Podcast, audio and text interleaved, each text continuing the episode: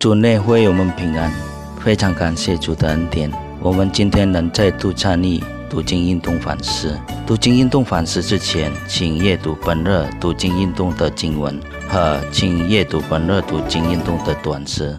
主内弟兄姐妹们平安，感谢上帝，我们今天仍然还有机会来思想上帝宝贵的话语。我们要以祷告来开始。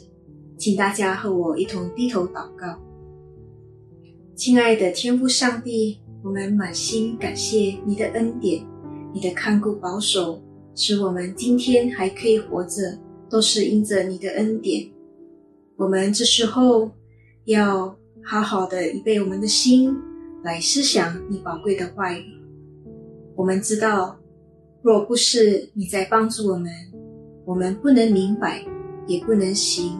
你的话，恳求你的圣灵充满我们的心，光照我们的心，帮助我们可以看见你的话语是何等的宝贵，何等的甜蜜。让我们不但明白你的话语，我们也可以照着从神而来的力量来遵行你的话语，来效法耶稣基督。感谢天父去听祷告。奉主耶稣得胜的名，阿门。亲爱的弟兄姐妹，我们今天的主题是不羞于求问上帝。经文取自于历代至上第十四章。我相信大家已经预备好心读了这段经文。这时候，我要请大家和我一同再看几节的经文。我们看第一节和第二节。推罗王西兰将香柏木运到大卫那里，又差遣使者和石匠、木匠给大卫建造宫殿。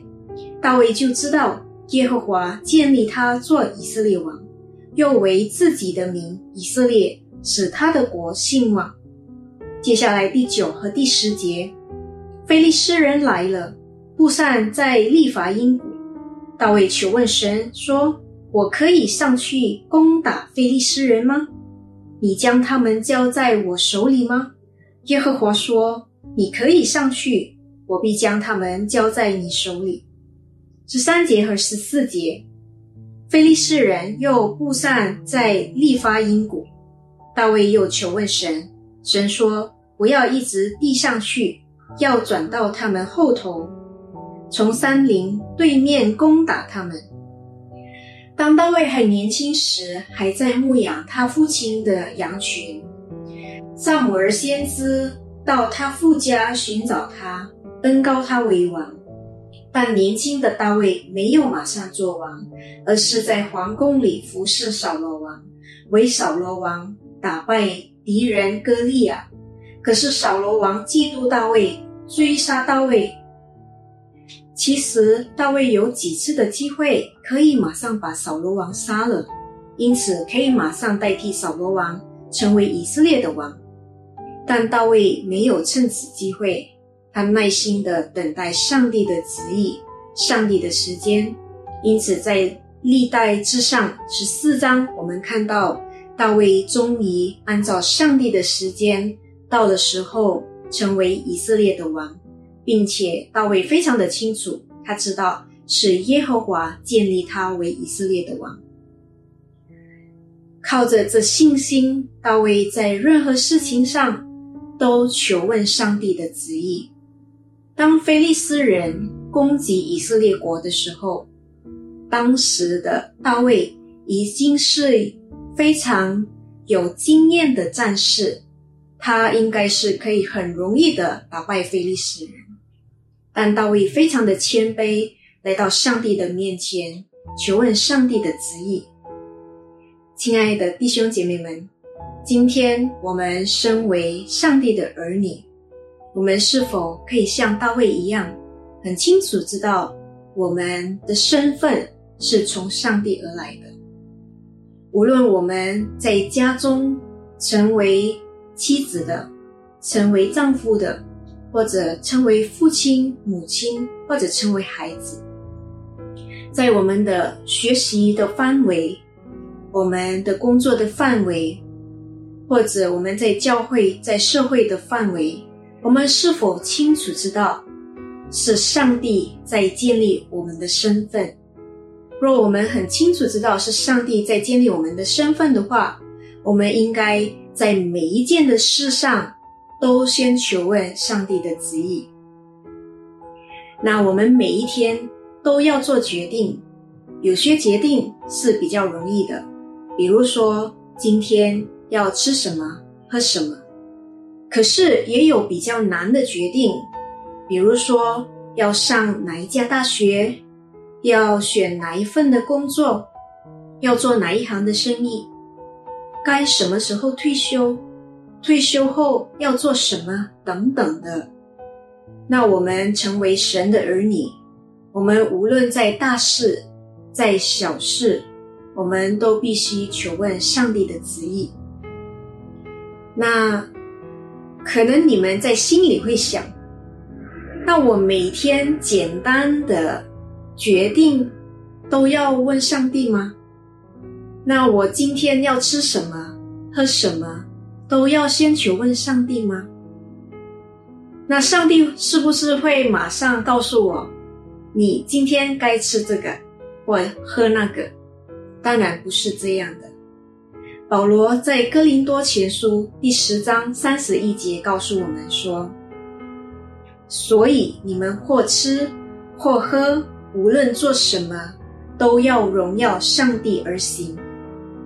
在这里，保罗教导我们，无论在小事如吃喝，或者在其他的事，呃，包括大事，包括重要的决定，我们都要存着一颗愿意荣耀上帝的心而行。这意味着，让我们在做每一个决定的时候。我们都要先想一想，我们做这个决定是基于我们个人的渴望，或者我们做这个决定是为我们有好处，或者有什么利益的，或者我们做决定的时候是否存着一颗顺服上帝的心，存着一颗愿意荣耀上帝的心来做的决定。耶稣当他还活在这世界上的时候，他也顺服了上帝的旨意。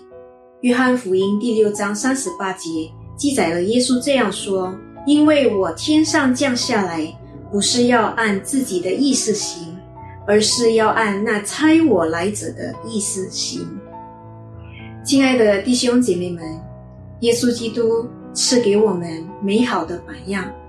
他活在这世界上的时候，在任何事情都顺服上帝的旨意，并且耶稣基督完全的顺服，以至于死，却死在十字架上。但愿我们可以效法耶稣基督，让我们让上帝参与我们生活的每个层面。当我们做决定的时候，我们存着荣耀上帝的心来做决定。并且我们不羞于求问上帝的旨意，相信接着我们每一天的读经、祷告、敬拜的生活，我们与上帝有亲密的关系。我相信我们每个人都会更清楚明白上帝在我们生命中的旨意，并且我们也可以看见上帝在我们生活中的作为。愿上帝帮助我们，我们一同低头祷告。亲爱的天父上帝，感谢你吃下你这么宝贵的话语。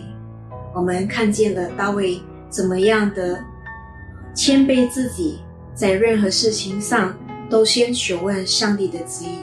我们也有了耶稣基督的非常好的榜样，怎么样他在这世界上活的时候，完完全全的顺服你的旨意，以至于死，是在十字架上。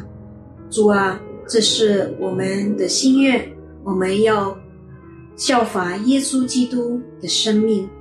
可是我们知道，我们不能靠我们自己的能力。恳求圣灵来帮助我们，让我们一天比一天的更效法耶稣基督。感谢天父去听祷告，奉主耶稣得胜的名。姊妹弟兄姐妹们，愿上帝赐福你们，再见。